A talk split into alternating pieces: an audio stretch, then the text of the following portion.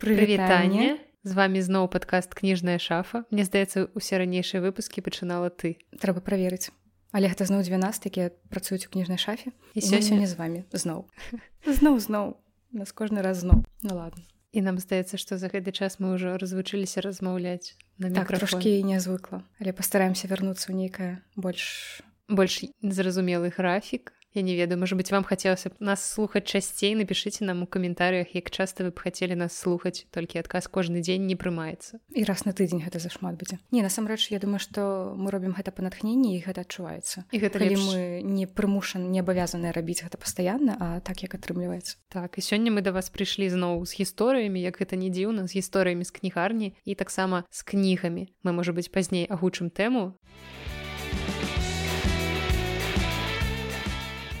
пачну яшчэ з таго што не расказала ў мінулым выпуску гэта гісторыя якая адбылася ў мінулым ходзе 31 снежня. Гэта быў апошні рабочы дзень года я тады засталася на нейкі час у шафе адна бо звычайна мы працуем разам з настай у гэты дзень. Я засталася адна і раптам звонок телефона я здымаю слухаўку і мне там кажуць здравствуйте девушка с наступающим а у вас есть уголовный кодекс? І мне просто цікава як складваецца жыццё чалавека які 31 снежня шукае крымінальны кодекс. Это падобна да нейкага прыкола. Але ён быў даволі сур'ёзны я не ведаю іх мабыць вельмі цяж вельмі цікавыя былі планы на святкаванне навагодняй ночы можа так. быць і ў гэты ж дзень пакуль таксама я была адна зайшоў такі мужчына вельмі такі мажны. У яго ў руках і ў правай і ў левай былі вялікія пакеты напоўненыя ежай. І ён падышоў так упэўнена тыкнуў пальцам у кніжку. Гэта была бесканечная шутка дэвіда фостера уоллеса. Калі вы не ведаеце што гэта за кніга можете загугліць уявіць якога яна памеру гэта даволі культавы роман два стагоддзя. Ён тыкнуў пальцам і сказаў гэтую. Яна каштавала 50 рублёў. Я прабіла яму і потым акурат зайшлі наста і перакладчык сярожа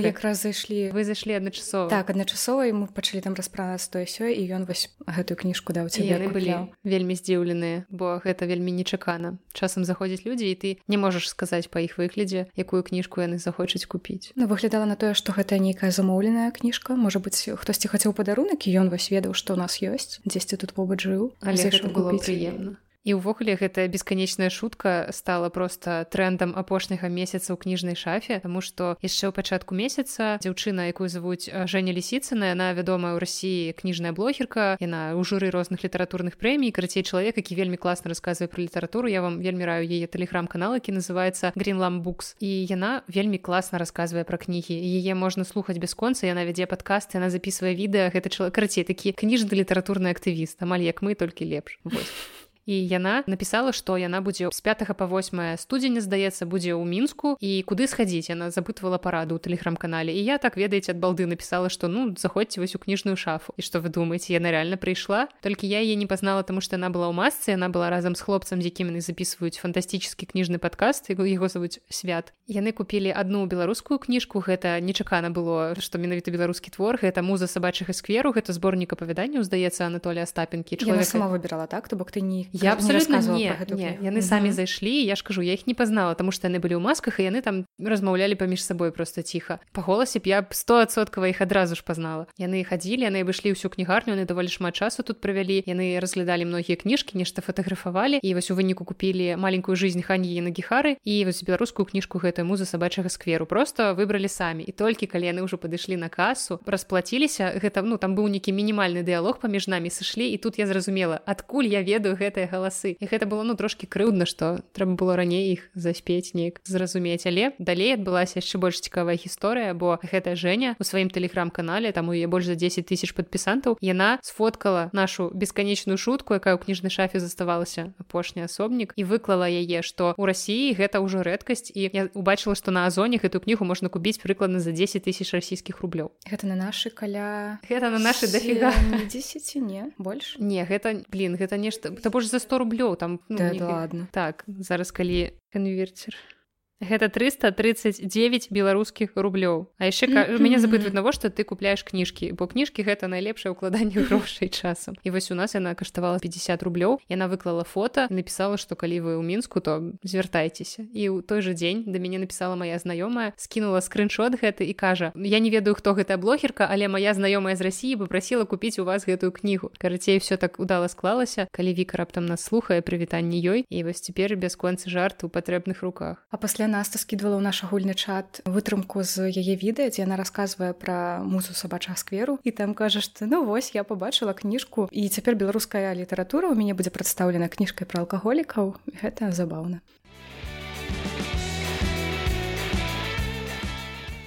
А да мяне заходзілі хлопец з дзяўчынай і яны размаўлялі паміж сабой і ён у яе пытае кшталту што ты хацела Ну яна кажа што много чего. Яна хадзіла хадзіла ўсё разглядала разглядала пасля кажа о ведьмак по-беларуску ён кажа да не не можа быць такога яна кажа ну вось открывае кніжку показвае што пераклад на беларускую мову. Ён усё роўна не верыць ёй бярэ пераправярае што сапраўды гэта по-беларуску Ну і пастаянна яе падганяў кшталту ну што ну ты ўжо ўсё яна не мне ж трэба выбраць і яны хадзілі хадзілі пасля ён сказаў ну ты ж можаш выбраць і пасля замовіць у інтэрнэт-краме на не я ўжо выбрала тут і мне трэба вызначыцца паміж некалькімі кніжкамі рэшце рэшце яна забрала парфюмера яны сышлі мне стало так крыўдна за вось гэтага не веру што весь беларуску ён ну, быў здзіўлены прыемна ці такі ну, гэта што можа быць по-беларуску не не можа быць. ну, гэта не вельмі было эмацыйна але так даволі здзіўлена. Такое холоднае здзіўленне Мабыць я бы гэта так вельмі балюча просто звычайна у нас людзі калі бачаць на паліцыях такія вядомыя кнігі ў беларускіх перакладах ну Гарры Поттер у асноўным усе адразу так радасна о гары потра по-беларуску mm -hmm. нічога сабе гэта прыемна так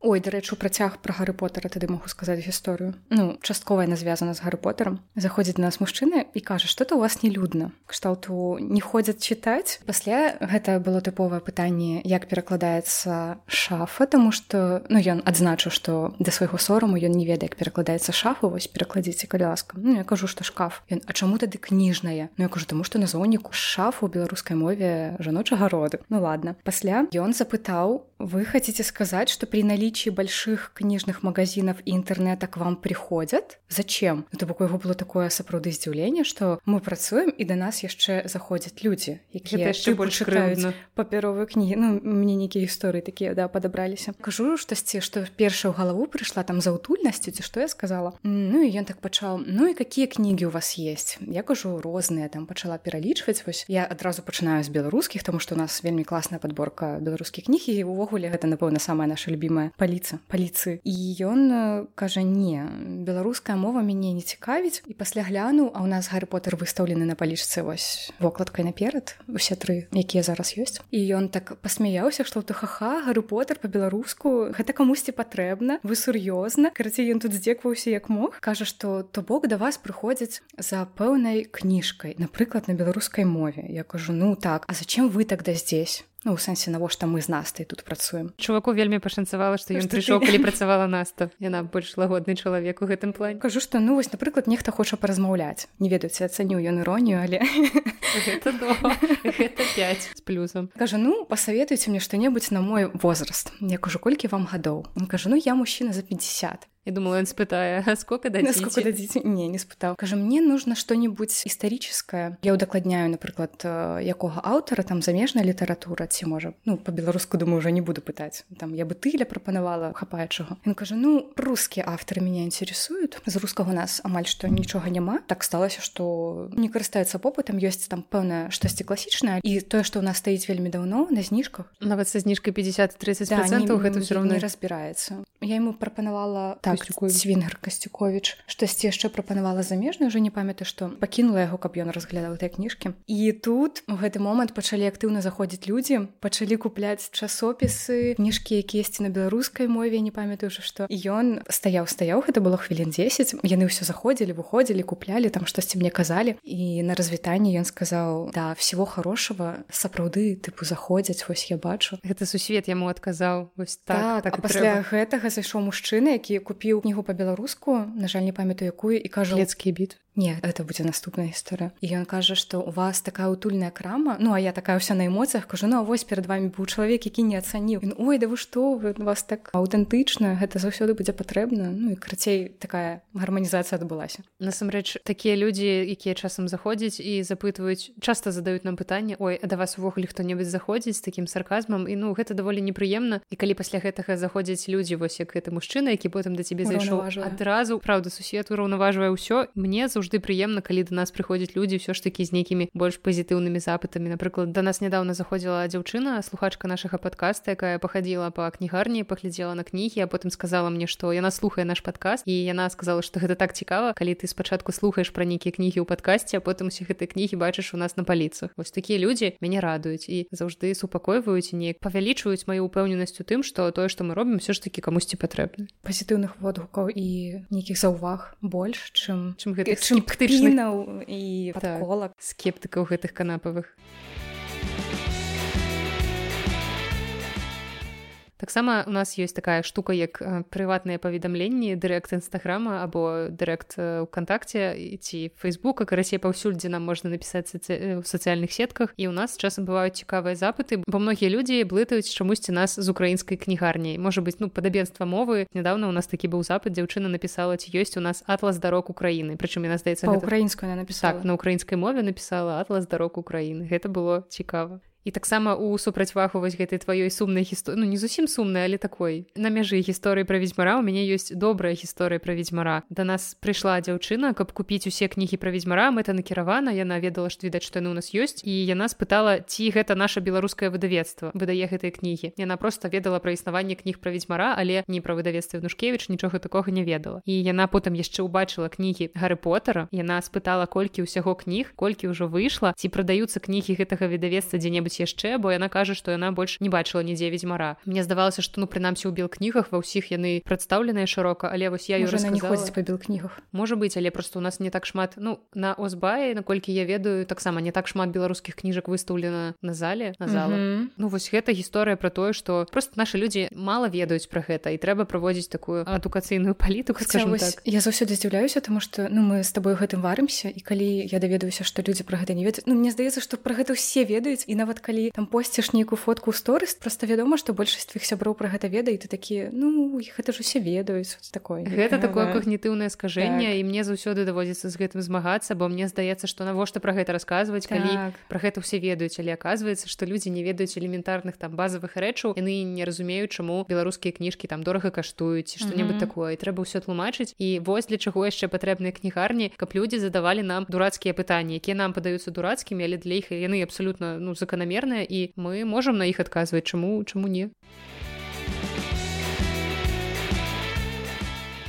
у мяне таксама сумная гісторыя знайшла што неяк у суботу зайшлі два хлопцы і адзін сказаў ну вы спрятались конечно у вас покупатели вообще есть? Але ён гэта сказаў без нейкага наезду просто так жартам я уже не памятаю нават якую кніжку ён шукаў але гэта не было непрыемным гэта было mm -hmm. хутчэй такое вясёлае назіранне Ну пэўна шмат залежыць ад падачы чалавека. Як ён гэта скажаць там як паглядзіць бо адны тыя ж словы з розных вуснаў по-рознаму могуць адчувацца Ну і моя апошняя гісторыя такая самая не ведаю яна мяне некалькі дзён уражвала не адпускала не адпускала так. Карацей заходзіць мужчына яму было гадоў напэўна 40 ведаю што я так кажу ну ладно неважно просто каб вы уяўлялі дарэчы здаецца до 45 гадоў паводле новых паводле арганізацыях як это господі сусветная арганізацыя аховы здароўя паводле іх 45 гадоў да 45 гэта малады чалавек. Якось так что заходзіў малады чалавек. Заходзіў малады чалавек так у росквіце як карлсон. І адразу з парога пытае у вас есть что-то интересное я гляж... трэба сказаць, я самое цікавае что тут ёсць так я кажу я гляжу на яго кажу есть а что вас интересует і ён кажа что-то что изменит мой завтрашні дзень я думаю ну цікава коронавірус. Зараз подумаю. Я пачала распытваць что ён чытаў апошняе каб у прынцыпе арыентавацца чаго ён хоча ён сказаў что чытаў нейкую кнігу по бізнесе і про вКл 16 стагоддзя. Кажа я чытаю вельмі разнастайнай кніжкі я чытаю ўсё я спытала там по-беларуску по-руску кажа абсолютно без розніцы давайте все что што ёсць. Ідэальны пакупнік. У гэты момант я пачала прапановаць кнігі. Там пачала з пінкера напэўна сапольскі і ён разглядваў іх. У гэты момант перайшоў на ты у прынцыпе гэта нармальна калі ну цябе называюць на ты просто было трошки нязвыкла. І расказвае што недалёка тут ад нас открывае свой бізнес хоча прадаваць котлы просто любіць чытаць развіваць сваё мы мысленне мысліць нестандартна. І ўрэшце ён купіў клецкія бітвы і на развітанне ўжо сыходзіць і бачыць на палічцы стаіць лета гармана гэта пераклад з нарвежскай мовы Юлі Тимофеевай аўтара стэна холля і кажа пра што гэта кніжка? Тому што яна так цікава выглядае. Ну прынцыпе на унутры вельмі адметная. Там і калаж і малюнкі і устаўкі я пачынаю расказваць ён глядзіць на мяне і кажа у тебя такія чистыя глаза просто піпец і пайшоў я просто не зразумела что адбылося але я адразу написала у чат тому что не могла стрымліваць гэта ў сабе это было настолькі нечакана ну вось просто чалавек так сказаў гэта мы ў чаце ацанілі так что часцей рабіце кампліменты тады мы просто губляем мову і будзем прадаваць вам кніжкі са зніжкамі за камплімент не не будем, не, не будем. не пракаціць пакупнікі якія ўзрушваюць якія прымушаюць нас потым гаварыць пра іх у добрым ключы і калі вось ён адкрые свой бізнес з катламі можа быть мы нават яго прарэкламуем бо дарэчы нядаўна у нас таксама заходзіў мужчына які плануе побач адкрыць свой бізнес ну не бізнес дакладней яго ўжо ёсць ён робіць шакалад розныя такія салодкія рэчы без дадаткаў без цукру карацей супер зож. Ты рэкламуеш яго ўжо трохі раз. Не ён себе подкупіў блин ну я зараз не ем салодкае таму мяне можна подкупіць толькі шакаладам без цукру. Ну вось якраз да нас нядаўна таксама прыходзіла дзяўчына наша слухачка. І дарэчы калі вы прыходзіце і кажаце што вы наш слухач можете называць себе па імені. Тады мы вас па імені згадаем у падкасці гэта я думаю вам будзе прыемна чым вось просто слухачка якая прынесла нам шоколад адреса явки так адрасы паролі так все можете все дадзены калі у вас есть нейкі бізнес які вам трэба прарэкламаваць і звяртайцеся. Мы тут абсолютно альтруістычны падкаст. Пакуль што. Пакуль што. Глядзім глядзіце бізнес жылка загаварыла Вось працягнем мы маімі гісторыямі давай бо у мяне скончыліся я просто цяпер записываю ўсё запар можа быть калі б ты записывала ўсё запра таксама было б шмат. Я пачынаю сарціраваць што-то ну гэта што я скажу вам да два словы нормально ну, ладно, два, вот, мне тут шмат два словы Вось гісторыя пра нас зайшлі неяк дзве дзяўчыны школьнага ўзросту і запыталіся ёсць у нас часопіс нашай гісторыі я паглядзела на іх выгляд подумала што хутчэй за ўсё попрасілі ў школе прынесці. Я кажу што ёсць гэты часопіс які вам патрэбен выпуск і дзяўчына кажа з максімам танкам я адразу напружылася бо здаецца як бы візуальна я памятаю як выглядаюць усе выпускі якія выходзілі за апошні час. Я думаю блин які ж выпуск там быў з максімам танкам? Потым перапытваю можа з максімам богдановичам дзяўчына так спужалася і кажа ой так з богдановичам я разумею разумею что она просто можа быть я гаварылася тому что як бы і там Масім і там Масім на сапраўды спужалася так что не пажайцеся нават калі вы скажете як аднойчы жанчына про тое что роман майстра маргарыта напісаў пастернак я не буду про вас думать дрэнна только калі вы потым не пачнеце мяне упэўніваць что вы что меня за дуру считаете? Я таксама адным з выпускаў рассказывала гэтую гісторыю так памыляться нормально. Абсолютно і таксама калі згадваць яшчэ слухачоў подкаста то ў суботу 15 студзеня я запісала гэты дзень тому что я на працягу ўсяго дня увесь увесь дзень я на працягу ўсяго дня ў чат пісала паведамленне дзяўчатам про тое что mm. зайшла слухачка подкаста зайшоў слухач подкаста тому что ўсе наведвальнікі якія до нас заходзілі 15 студзеня яны ўсе складаліся за слухачоў нашага подкаста просто ці гэта ў нас горад такі маленькі ці наших слухачоў ужо так шмат что вось яны ходзяць ажно адзін за адным. Але вельмі прыемна тому что вось вы прыходзіце і кажаце что мы вас упершыню пачулі падкасці і прыйшлі да вас паглядзець што вы такія ёсць гэта супер. вельмі прыемна і неяк хаатычна я рассказываю бо вось у тэму напрыклад да гісторыі пра нашу гісторыю наступная моя гісторыя слова гісторыя выйшла з чата. Зайшоў бацька зайшлі таксама разам з ім дзве дачкі яны хадзілі міма часопісаў наша гісторыя пакуль бацька там нешта разглядаў на беларускіх паліцах яны хадзілі просто і вось яны прайшлі міма часопісаў нашай гісторыі і казалі папа твои журнальчыкі гэта як хлопчык з мінулага выпуску які пра пінкера. Так таксама знаходзіў бацькавыя кніжкі на паліцах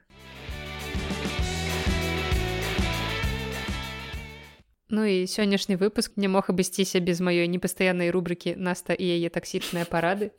І сёння я працягваю і ў сённяшнім выпуску вас чакаюць людзі, якія едуць у кнігарню. Няважна, у нашу не ў нашу любую, нават не ў кнігарню просто ў краму, якія едуць за канкрэтнай рэччу. Яны не знаходзяць гэтую канкрэтную рэч і вельмі злуюцца на мяне, што гэтай рэчы ў нас няма. Рабяты, таксічная парада нумар 1987 калі вам нешта некая рэч настолькі важная настолькі патрэбная то напішыце ці патэлефануйце ці не ведаю дашліце тэлеграму саву паштовага голуба каго заўгодна і удакладніце ці ёсць гэтая рэч у продажы ў наяўнасці перад тым як ехаць праз увесь горад. Скардзіцца потым мне што да я да вас праз увесь горад ехала а у вас няма. Што ж вы за людзі такія душы і сэрца у вас няма абсалютна. Рубрика таксічныя парады скончаны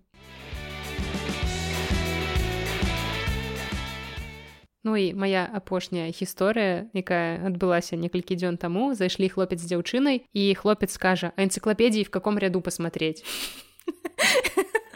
Я задумалася, бо ну энцыклапедыя ў мяне асацыюецца з чымсьці дзіцячым. Я запытваю для дзяцей он глядзіць на мяне з неразуменнем і кажа ну скорее для взрослых і я подумала что мне вельмі патрэбная энцыклапедыя для дарослых про тое як жыць гэтае дарослае жыццё бо я часам не вывожу. Ну і карацей я сказала что энцыклапедыі для дарослых у нас няма бо я не вельмі уяўляю энцыклапед ну гэта веда что я запамінаю энцыклапедія маладой сям'і калісьці выходзіла там 80 дзяўчынала дома. і что там что там? Ой там про то як жыць у сям'і всякое такое про выхаванне про маральнасць про то як нараджаць дзяцей не ну что могли написать у савецкім саюзе 80 ў энцыклапеды маладой сям'і ну калі былі модныя энцыклапедыя для хлопчыкаў для дзеці для дзяўчын да, мне калісьці дарылі так. Я не прачытала ніводнай мне больш падабаліся пра жывёлу вось мне бацька падарыў все жывотных яна называлась такая вялікая энцыклапедыя каляровая і я жахлівы чалавек я псавала кніжкі ўжо ў дзяцінстве я заклеіла клеем старонкі дзве паміж сабой зляпіла якія былі пра павукоў і яшчэ нейкіх насякомых я просто вельмі я не баюся павукоў я их вельмі не люблю. Мне непрыемна знаходзіцца побач з павукамі. Я там не адскокваю я магу там павука злавіць не ведаю выкінуць на вуліцу калі раптам што. Але просто у меня ж на гэты генетычныя інстынкты страху mm -hmm. павукоў змея ўсіх тому что у іх я чула такую тэорыю што іх адрозніваецца колькасць канечнасці ад нашых і таму мы падсвядома так. рэагуем як небяспеку. Ну і таксама боязь павукоў і змей гэта закладзена ў нас генетыкай тому что калісьці для наших продкаў гэта было выратаваннем. У іх это было вось на прыродным нейкім узроўні. Бяжы трэба -hmm. было бегчы ім не трэба было неяк аналізаваць гэтую інфармацыю доўга яе разумець. І таму я б ніколі не змагла жыць у аўстраліі. Вы ўвогуле вось калі-небудзь чыталі навіны з аўстраліі про то як там мужик выйшаў з дома у яго дом аблеплены быў там не ведаю алігатарамі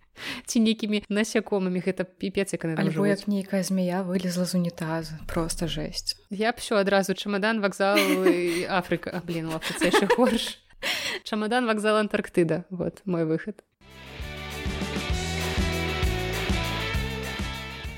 Ну і кніжная тэма пра якую б мы хацелі пагаварыць наста прапанавала расказаць пра кніжкі пра любоў гэта будзе нестандартная подборка. Мы вырашылі што хутка 14 лютага гэта такі супермаркетынгавы дзень таму ў гэты дзень мы вам не будзем раіць купляць валентынкі ці нешта такое. Мы вам параем подборку кніжак у якіх расказваецца не пра каханне адносіны мужчыны жанчыны жанчыны жанчыны мужчыны мужчыны каго заўгодна мы вас не абмяжоўваем. у літаратуры гэта нездаровыя адносіны а мы так. за здаровыя адносіны. Мы за здаровыя адносіны таму сёння ў гэтай нашай рубрыцы будуць гісторыі пра любоў пра любоў ва ўсіх яе праяўленнях пытаннях пра любоў да чаго заўгодна ежы кніжак людзей звяроў карацей вы пачуеце пра што мы пракаментуем куды мы аднеслі тую ці іншую кнігу і ўжо на падставе гэтага зможаце арыентавацца ці патрэбна вам штосьці з гэтага прачытаць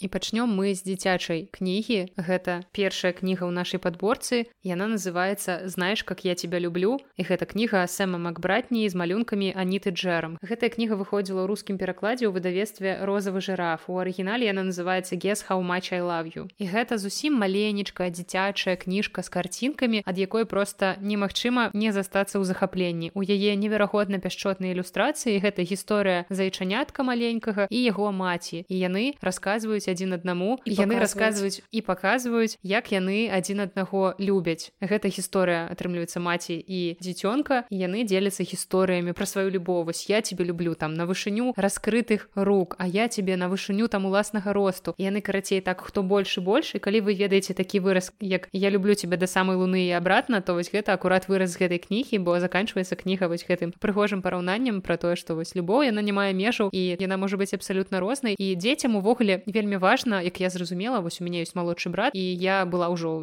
даволі сталым узросце калі ён у мяне нарадзіўся і я магла назіраць за працэсам яго сталення яму зараз 12 і я зразумела што дзеці вельмі любяць выражэнне любові вербальная ім гэта вельмі важна і вельмі патрэбна калі даросламу напрыклад ты можаш убачыць любоў у розных праявах там для цябе хто-небудзь зробіць нешта добрае просто абдыме там да цябе дакранецца табе гэтага будзе дастаткова ну многім людзям а дзецям гэтага мала і дзецям трэба каб гэта ўсё выражалася неяк словамі таму вельмі важна паўтараць не думаць пра тое што ой ён жа ведае што я яго люблю вось. І гэтая кніжка якраз пра гэта і ў працяг я згадаю кнігу рамена гары. Яна называется абяцанне на досведку у перакладзе ольгі колас з французскай мовы. Кніга выходзіла некалькі гадоў таму ў выдавецтве янушкевич гэта кніга аўтабіяграфічная у тым ліку вельмі. Але і ну вядома што аўтарскі вымысел тут таксама ёсць таму што ўсё-таки гэта мастацкая літаратура. І адной з галоўных тэм гэтай кнігі з'яўляецца любоў паміж маці і сынам галоўным героем гары. І паказваецца спачатку як ён рос ён сталеў і як на працягу ўсяго жыцця маці выражала яму сваю любоў і як ён выражаў ёй сваю любоў ну вядома не абышлося там і без гісторыі кахання непасрэдна галоўнага героя. Я вось такую маленечкую ўсё-таки згадаю гэта было першае каханне гэтага хлопчыка яму было 9 гадоў а дзяўчынцы было 8 і яна сказала што адзін хлопчык дзеля яе з'еў сваю калекцыю паштовых марак і вось гэты хлопчык рамен галоўны герой вырашыў што ён яе скарыць тым што з'есць яшчэ што-небудзь такое цікавае. Ён еў усё што заўгодна ўсё што траплялася яму на шляху. Ён еў нават слімакоў і такая фраза што я пакорліва з'еў слімакоў разам з ракаўкамі тагачасным дзецям нічога не тлумачылі пра асаблівасці мужчынскага і жаночага арганізму і я быў упэўнены што кахацца трэба менавіта так. Мажліва я меў рацыю. Ну і апагеем усяго стаў момант калі ён з'еў дзеля яе галёш то бок ён пачаў яго разразаць і прама на вачах у гэтай дзяўчынкі есці галёш Ну і дарэчы у вільні дзе нарадзіўся пісьменнік гэта адзіны пісьменнік які двойчы атрымаў годкуровскую прэмію тому что под псеўданімам адну под псеўданімам адну под сваім імем. І вось так як ён нарадзіўся у вільні то там стаіць зараз помнік хлопчыка з галёшам як вось такое ўвасабленне гэтага зліцця жыцця і вымысла жыцця і літаратуры. Я паслухала гісторыю пра галёш і падумала про тое што нашыя бацькі ў дзяцінстве ели гудрон. Гудрон что гэта? Вот а ты нават я нават страчанае пакаленне так карацей гудрон гэта як это назваць нафтапрадукт гэта кавалак гумы гэта нейкая такая фігня. У маім дзяцінстве гэтага не было але вось у дзяцінстве наших бацькоў яны гэта жавалі. Конечно ж у іх не было там не веду орбіта сцімарала. Яны жавалі гудрон. Гэта ці смала нейкая я нават не ведаю как это табе дакладна крэслі чорнага колеру чорнага колеру як ну такое як гума кавалак гумы. І яго можна было знайсці недзе на будоўлях на гаражах. І я запытвала у людзей якія ели худрон ці было гэта смачна. Як это на смачань гэта не было смачна гэта было просто нейкая такая яно не было мерзотным. не, не, не, не просто... просто кавалак худрону так что можа быть з'есці галёш гэта яшчэ не самае страшно Ну гэта нешта з разраду. Цікава Ну і мабыць трэцяя апошняя кніжка з гэтай серыі пра любоў маці і дзіця гэта кніга эммы донахю якая называется комната калісьці вельмі даўно гэтую кнігу мне параіла моя навуковы кіраўнік лада Вікторовна якая сказала што гэтая кніга пра сацыялізацыю. Яна ў той час вывучала сацыялізацыю дзяцей як это выяўляецца ў літаратуры і параіла гэты твор. Я яго прачытала трошки пазней праз некалькі гадоў. Вельмі сумавала што не прачытала раней бо гэта кніга стала адной з маіх любімых. Гэта гісторыя дзяўчыны якую якую калі ёй было 19 скраў скажем так маньяк вар'ят ён скраў яе згвалтаваў і ён пасяліў яе ў сябе у такім не назовем гэта падвал гэта такое нейкае карце памяшкання амаль под зямлёй. У яе было акенца зверху і яна могла бачыць неба здаецца я чытал уже вельмі давно такіх падрабязнасцяў не памятаю так тому что я помню что ты фоткала кніжку для шафы і на фоне неба ты фоткала. Вось і гэты кавалачак неба гэта як бы ўсё што яна бачыла на працягу многіх гадоў. І ад гэтага мужчыны гэтая жанчына якая якой няма імя мы ведаем яе яе як ма таму што так заве яе сын. Ось у яе адзносін з гэтым ну як таких вось нездаровых зносін з гэтым мужчынам нарадзіўся сын якога назвала яна Джек. І вось мы сустракаем яе ў кнізе калі гэтаму хлопчыку 5 гадоў і ён жыве разам з ёй у гэтым памяшканні. Яны нікуды не выходзяць таму што ну як бы яны ў закладніках можна сказаць. І гэта неверагодна страшная гісторыя про тое як вось расці ў такім свеце. Яна навучыла свайго сына ну ёй же трэба неяк жыць неяк працягваць жыць далей і яна навучыла свайго сына што гэты пакой гэта ўсё гэта ўсё што ёсць у свеце. Па-за іх пакоем больш нічога няма. У іх ёсць тэлевізор і яна яму тлумачыць што тэлевізор гэта просто выдумка. Нават калі там нейкія навіны нешта такое гэтага нічога не існуе ў рэальнасці. Гэта просто спектакль які спецыяльна для іх сняты. І гэты хлопчык яму вось ужо 5 гадоў ён вельмі развіты ён вельмі адукаваны она з ім займаецца ён умее чытаць ён сапраўды вельмі добра развіты акрамя таго што ён не ведае вось такой банальнай рэчы пра будову свету. Гэта просто неверагодна страшна калі ты ў гэта ўчытваешся але ну як бы ведаючы крыху больш гісторыю розных маньякаў і гэта просто неверагодна кніга мяне неверагодна ўразіла. Яна дарэчы была экранізаваная ў 2015 годзе і ў намінацыі найлепшая актрыса першага плана якраз брыларсон якая грала гэтую ма яна выйграла оскар атрымала оскар і хлопчык джастин трэмпле здаецца яго завуць які граў гэтага джека. Зараз такі даволі папулярны акцёр ён здаецца гэта ён граў галоўную ролю ў фільме щегол таксама ў экранізацыі кнігі чуда ну карцей становіцца такім папулярным галівудскім акцёрам нягледзячы на свой невялікі ўзрост. І вось карацей калі у вас ёсць дзеці я б не раіла вам чытаць гэтую кнігу бо мае знаёмыя якія чыталі яе маючы дзяцей прычым такога невялікага ўзросту яны просто на вуліцу не маглі выходзіць пасля чытання гэтай кніжкі. Карцей яна пры усім маім такім негатыўным апісанні яна вельмі светлая. Вось як я кажу гэта гісторыя пра маці якая бязмежна любіць свайго сына і хоча зрабіць усё магчымае каб ён паўнавартасна развіваўся нават вось у такіх можна сказаць умовах зняволення яшчэ одна вельмі светлая кніга і кніга якую я аднесла да разраду кнігі пра любоў да жыцця гэта віно з адуванчыков рэя брэдберы для мяне гэта напэўна такая класіка класіка ўжо я чытала ўпершыню гэтую кнігу напэўна у падлеткавым узросце і яна тады просто скрыла мяне напавал і у гэтай кнізе прадстаўлена лета 1928 года. Але ў прынцыпе гэта можа быць якое заўгодна лета яно універсальна яно па атмасферы ну усе мы памятаем як мы ў дзяцінстве успрымалі чакалі лета што гэта для нас быў такі асаблівы час. І нават калі мы вырастаем то гэтыя тры месяцы ва ўяўленні часта застаюцца нейкім такім самым магічным часам. І вось у кнізе дзейнічае галоўны герой гэта 12гадовы хлопчык дуглас сполдзінг. Ёсць брат ёсць сям'я. І на працягу ўсёй кнігі з'яўляюцца не толькі гэтыя вось два хлопчыкі але іх суседзі знаёмыя просто людзі якія жывуць у гэтым невялічкім гарадку. Напрыклад чалавек які хацеў зрабіць машыну шчасця альбо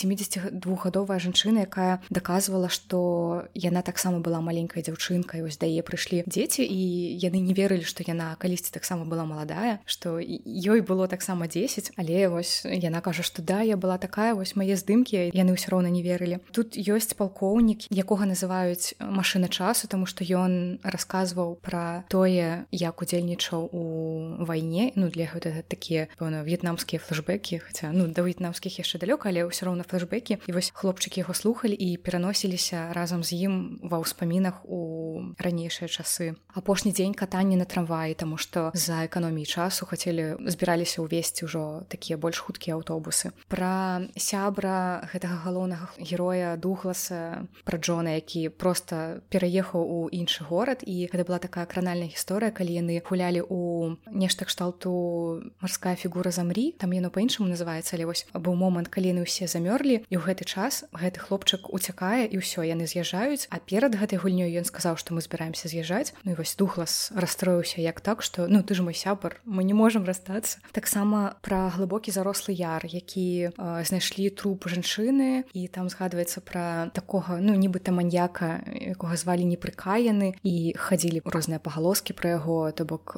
такі гарадок які жыве сваім жыццём. І самае важное ў гэтым было тое што як гэты хлопчык упершыню усведамляе што ён насамрэч жывы. І гэта так апісана вельмі моцна. Ну гэта было вельмі моцна для мяне калі чытала шмат шмат гадоў таму таму што ты у гэтым героі пазнаеш сябе і разумееш што ты не адзін са сваімі такімі адчуваннямі што вось таксама напрыклад у кнізе ёсць хлопчык які перажывае нешта падобна і ты ну вау ты жывеш гэта такое просто незвычайнае ўражанне. Гэта у пачатку лета ён так уразіўся а ў канцы лета ён уразіўся тым што ну заканамерна ён таксама памрэ. І гэта яшчэ да такое вельмі моцнае ўзрашэнне. І віно з дмухаўцоў якое сапраўды рабілі літаральна дзядуля вось гэтага хлопчыка. Яны закупорвалі гэтую вадкасць у бутэлечкі і захоўвалі зімой. Пасля адкрывалі каб прыгадваць вось гэтыя цёплыя моманты летнія ўспаміны. І гэта такая Мабыць метафора асаблівых момантаў калі мы памятаем пра нешта цёплае што дапамагае нам у змрочныя часы вось тое што дапамагае жыць. Таму гэта кніга для мяне пра не неабдымную любоў да жыцця і да таго хараства якое можа з намі адбывацца. Я я таксама ў дзяцінстве чытала і потым вельмі доўга чаплялася да бабулі дзядулі каб яны мне таксама зрабілі віносць мухаўцу. Так мне было так цікава тому што у нашай мясцовасці напрыклад я не ведала каб такое рабілі. Хацелася пакаштаваць што гэта ўвогуле такое. Калі у вас есть віносць мухаўцу не раз так выносць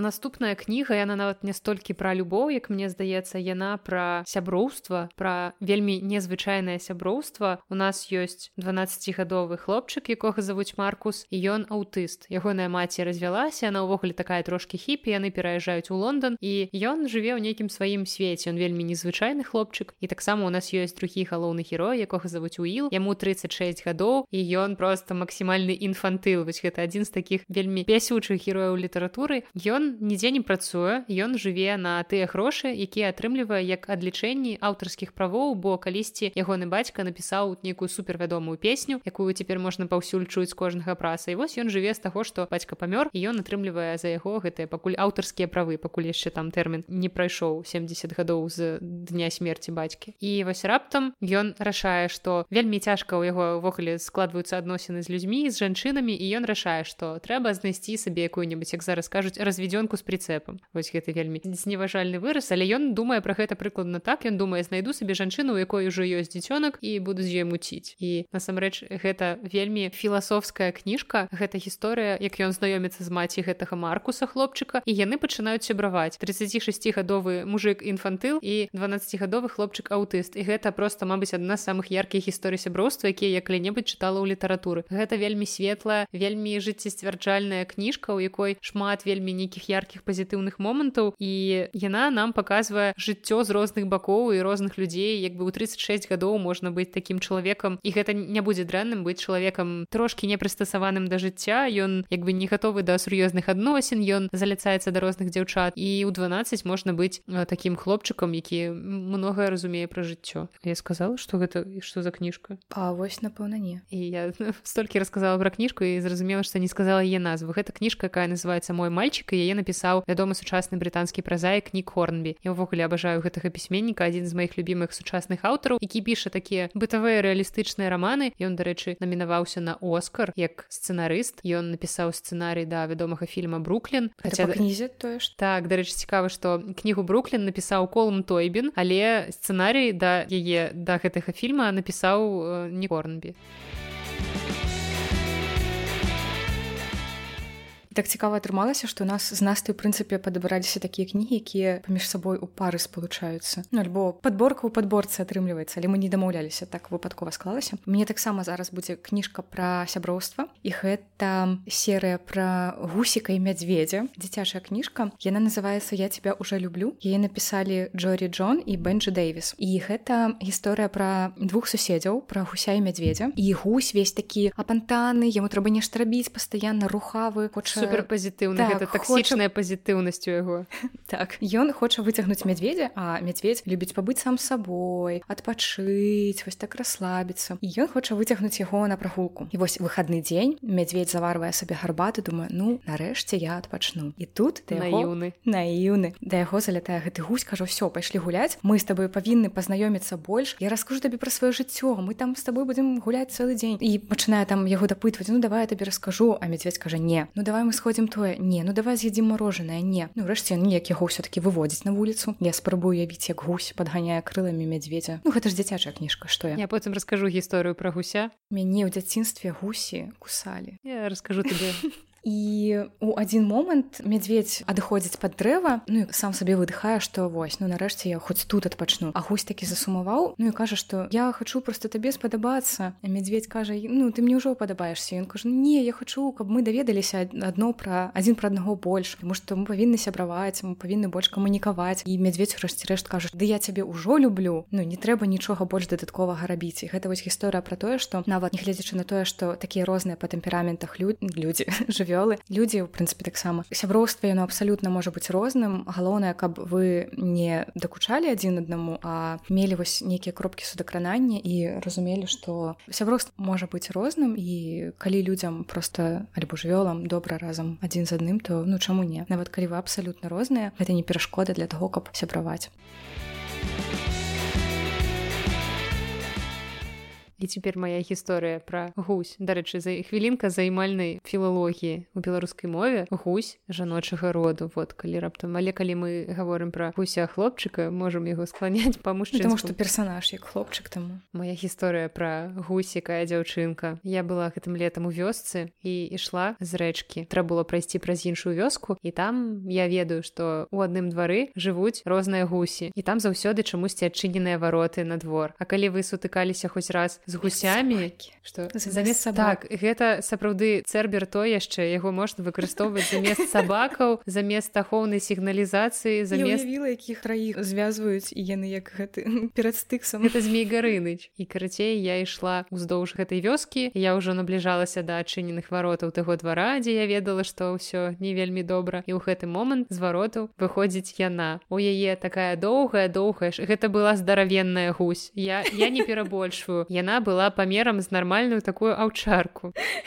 Я іду і разумею, што за ёй разам са двара на вуліцу выбягаюць маленькія гусяняткі. І разумею, што яна цяпер яшчэ больш небяспечная. Гэта ведаеце, як курыца, якая толькі што нарадзіла ці як это назваць mm -hmm. высидзела і гэта страшная рэч. І я іду і разумею што яна ўжо прымае гэтую вось байцоўскую сваю стойку. Яна шыю наперад выгінае открываю сваю вось гэтую пашчу я не ведаю гэта назваць поўную гэтых клыкоў і пачынае шыпець. І ў гэты момант я разумею што адзіная моя думка гэта просто бяжы. І я бягу. Яна бяжыць за мной. Гэта было так мяне просто опусціла ніжэй за, за зямлю мне так сорамна даўно не было. Я мне 28 гадоў я скончыла аспірантуру я разумны дарослы чалавек я бягу ад гусі па вёсцы Таму что гэта было реально страшно. Я разумею твой страх у нас у дзяцінстве таксама гусі раслі ў двары. І прычым быў адзін гусак якога я называла Марцін. Усе астатнія гусыні яны былі вішанкамі для мяне чамусьці. Я не памятаю напэўна гэта быў гусак які цапнуў мяне за руку. Гэта даволі балючая так кусаюцца вось падсвядома я і бегла бачыш што яны дзесьці побач. Яны пачынаюць выцягваць гэтыя свае шыі шпець. Ну, яны так хутка бягуць гэтымі сваімі лапкамі маленькімі. Я думаю што калі побач паставіць гепарда і гусь мы ведаем хто пераможа. А цябе білі пеўні ці куры дзяцінстве? Не. Пашанцавала там што мне так дзіўбануў аднойчы певень у вёсцы і пасля гэтага бабуля іх упусціла на суп. Суп Смачна, быў смач. А ведаеш гэты мем, дзе чувак бяжыць у курцы і за ім гусей крычыць ты што сабе напхаў? Я адразу успамінаю, што ўнутры майго пухавіка. Я спадзяюся, што ўсё ж такі не не гусь. Ладно працягваем нашу кніжную подборку. Я спадзяюся что гэта была трошки вясёлая размінка для вас. Пасля скажуць это было самое лепшае выпуску. Як ты бегала ад гусей наступная кніжка апошняя про якую я сёння раскажу яна про любоў Я думаю что у нас ты таксама будзе нейкая сугучная. Яна про любоў да горада і любоў да справы якую ты робіш плюс любоў да мовы і плюс тут ёсць адносіны так что просто калі вам комба. хочацца усяго так это абсалютнейшая комба. І гэта кніга якая выйшла зусім нядаўна ў выдавестве янушкевич я чалавек заангажаваны тому что я гэтую кнігу рабіла карэктуру. Я шмат гадзіну правяла разам з гэтай кнігай чытала яе некалькі разоў. І гэта кніга сучаснай чэшскай пісьменніцы якая называется прачынаюся ў сібуі напісала яе Анна цыма аўтарка зусім маладая яна сяго на два гады старэйшая за мяне нарадзілася ў 91 годзе. Яна сама паводле адукацыі япаністка. Яна у карлавым універсітэце вучылася вывучала японскую мову. І вось гэты роман гэта яе дэбютная кніга. І пасля яго яна стала папулярнай у чэхі трымала там некую прэмію нават прэстыжную. І гэты роман ужо перакладзены яны здаецца на 5 ці 6 моў яна ёсць па-польску па-японску зразумела па-нямецку я бачыла яшчэ на нейкіх мовах. І вось яна ёсць па-беларуску у перакладзе Сергея лісіцы і гэта гісторыя дзяўчыны якую завуць Яна. І дзяўчына абсалютна закахана ў японскую культуру. Прычым цікава што многія да японскай культуры ў наш час прыходзіць праз анімешкі мангу або праз музыку праз японскую ці вось зараз карейская культура яшчэ больш модная гэта кей-поп гэта карейская касметыка карцей мы шмат про гэта ведаем. А вось яна першая першае яе захапленне такое. Гэта тасіра міфуны гэта вядомы японскі акцёр якога господи дзе ён здымаўся семі самураях по-моему яшчэ скажу.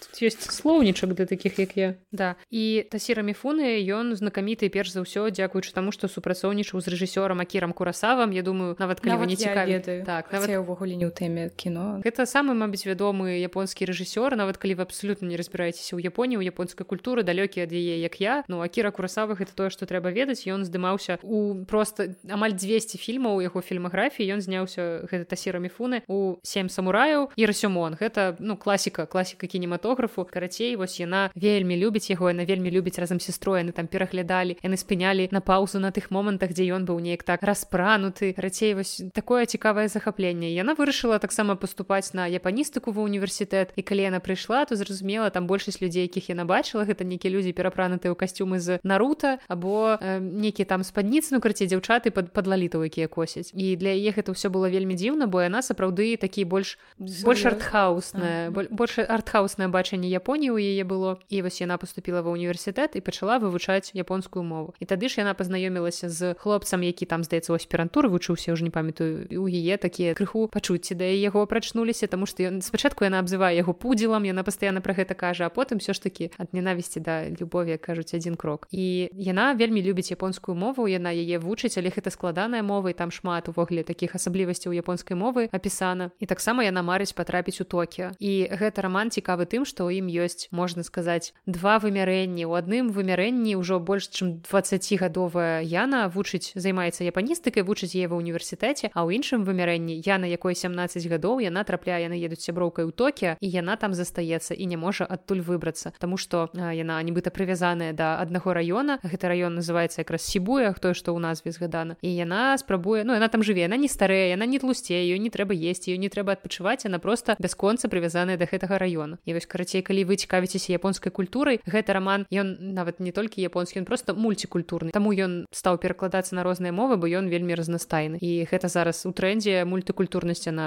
у модзе. І калі вам цікава не толькі Японія але ўвогуле адносіны паміж людзьмі розных нацыянальнасцяў як гэта бывае то звярніце увагу гэта кніга Анны цымы прачынаюся ў сібуе беларускі пераклад выдавецтва нушкевич